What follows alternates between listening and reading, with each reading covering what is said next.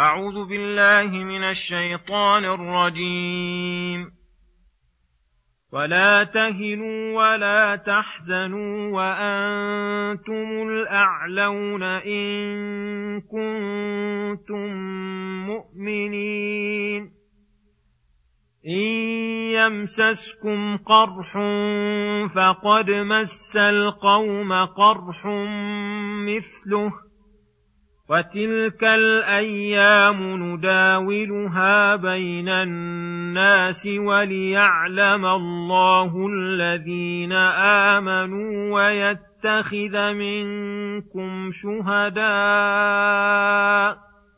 والله لا يحب الظالمين وليمحص الله الذين آمنوا ويمحق الكافرين. أم حسبتم أن تدخلوا الجنة ولما يعلم الله الذين جاهدوا منكم ويعلم الصابرين؟ ولقد كنتم تمنون الموت من قبل ان تلقوه فقد رايتموه وأنتم تنظرون بسم الله الرحمن الرحيم. السلام عليكم ورحمة الله وبركاته. يقول الله سبحانه ولا تهنوا ولا تحزنوا وأنتم الأعلون إن كنتم مؤمنين. يقول تعالى مشجعا لعباده المؤمنين ومقويا لعزائمهم ومنهضا لهممهم. ولا تهنوا ولا تحزنوا. أي ولا تهنوا وتضعفوا في أبدانكم. ولا تحزنوا في قلوبكم عندما أصابتكم المصيبة وابتليتم بهذه البلوى. فإن الحزن في القلوب والوهن على الأبدان زيادة مصيبة عليكم وأعون لعدوكم عليكم. بل شجعوا قلوبكم وصبروها. وادفعوا عنها الحزن وتصلبوا على قتال عدوكم. وذكر تعالى أنه لا يليق بهم الوهن والحزن وهم الأعلون في الإيمان ورجاء نصر الله وثوابه. فالمؤمن المبتغي ما وعده الله من الثواب الدنيوي والأخروي لا ينبغي له ذلك. ولهذا قال تعالى وأنتم الأعلون إن كنتم مؤمنين ثم سلاهم بما حصل لهم من الهزيمة وبين الحكم العظيمة المترتبة على ذلك فقال إن يمسسكم قرح فقد مس القوم قرح مثله. فأنتم وهم قد تساويتم في القرح ولكنكم ترجون من الله ما لا يرجون. كما قال تعالى إن تكونوا تألمون فإنهم يألمون كما تألمون وترجون من الله ما لا يرجون.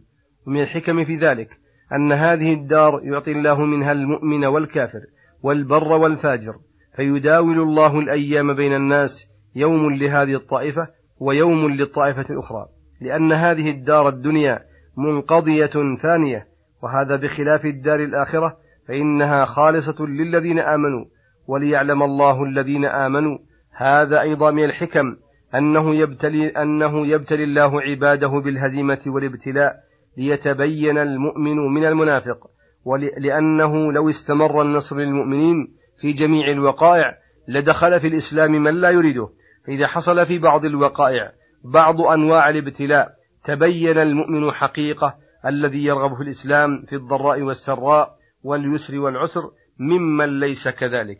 ويتخذ منكم شهداء وهذا أيضا من بعض الحكم لأن الشهادة عند الله من أرفع المنازل ولا سبيل لنيلها إلا بما يحصل من وجود أسبابها. فهذا من رحمته بعباده المؤمنين أن قيض لهم من أسباب ما تكرهه النفوس لينيلهم ما يحبون من المنازل العالية والنعيم المقيم. والله لا يحب الظالمين الذين ظلموا أنفسهم وتقاعدوا عن القتال في سبيله. ولو أرادوا الخروج لأعدوا له عدة ولكن كره الله انبعاثهم فثبطهم وقيل اقعدوا مع القاعدين. وليمحص الله الذين آمنوا. وهذا أيضا من الحكم أن الله يمحص بذلك المؤمنين من ذنوبهم وعيوبهم. يدل ذلك على أن الشهادة والقتال في سبيل الله تكفر الذنوب وتزيل العيوب ويمحص الله أيضا المؤمنين من غيرهم من المنافقين فيتخلصون منهم ويعرفون المؤمن من المنافق ومن الحكم أيضا أن يقدر ذلك ليمحق الكافرين أي ليكون سببا لمحقهم واستئصالهم بالعقوبة. فإنهم, فإنهم إذا انتصروا بغوا وازدادوا طغيان إلى طغيانهم يستحقون به المعاجلة بالعقوبة رحمة بعباده المؤمنين. ثم قال تعالى أم حسبتم أن تدخلوا الجنة ولما يعلم الله الذين جاهدوا منكم ويعلم الصابرين؟ هذا استفهام هذا استفهام إنكاري.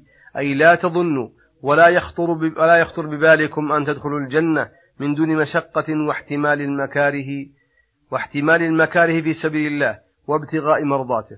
فإن الجنة أعلى المطالب وأفضل ما, ما به يتنافس المتنافسون. وكلما عظم المطلوب عظمت وسيلته والعمل الموصل إليه. فلا يوصل إلى الراحة إلا بترك الراحة ولا يدرك النعيم إلا بترك النعيم. ولكن مكاره الدنيا التي تصيب العبد في سبيل الله عند توطين النفس لها وتمرينها عليها ومعرفة ما تؤول إليه تنقلب عند أرباب البصائر منحا يسرون بها ولا يبالون بها. وذلك فضل الله يؤتيه من يشاء.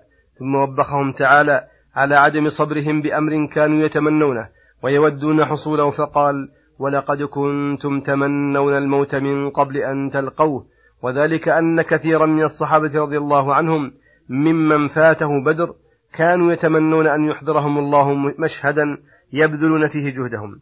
قال الله تعالى لهم فقد رأيتموه أي ما تمنيتم بأعينكم وأنتم تنظرون فما بالكم وترك الصبر؟ هذه حالة لا تليق ولا تحسن خصوصا لمن تمنى ذلك وحصل له ما تمنى. فإن الواجب عليه بذل الجهد واستفراغ الوسع في ذلك. وفي هذه الآية دليل على أنه لا يكره تمني الشهادة ووجه الدلالة أن الله تعالى أقرهم على أمنيتهم ولم ينكر عليهم وإنما أنكر عليهم عدم العمل بمقتضاها والله أعلم وصلى الله وسلم على نبينا محمد وعلى آله وصحبه أجمعين. وإلى الحلقة القادمة غدا إن شاء الله. والسلام عليكم ورحمة الله وبركاته.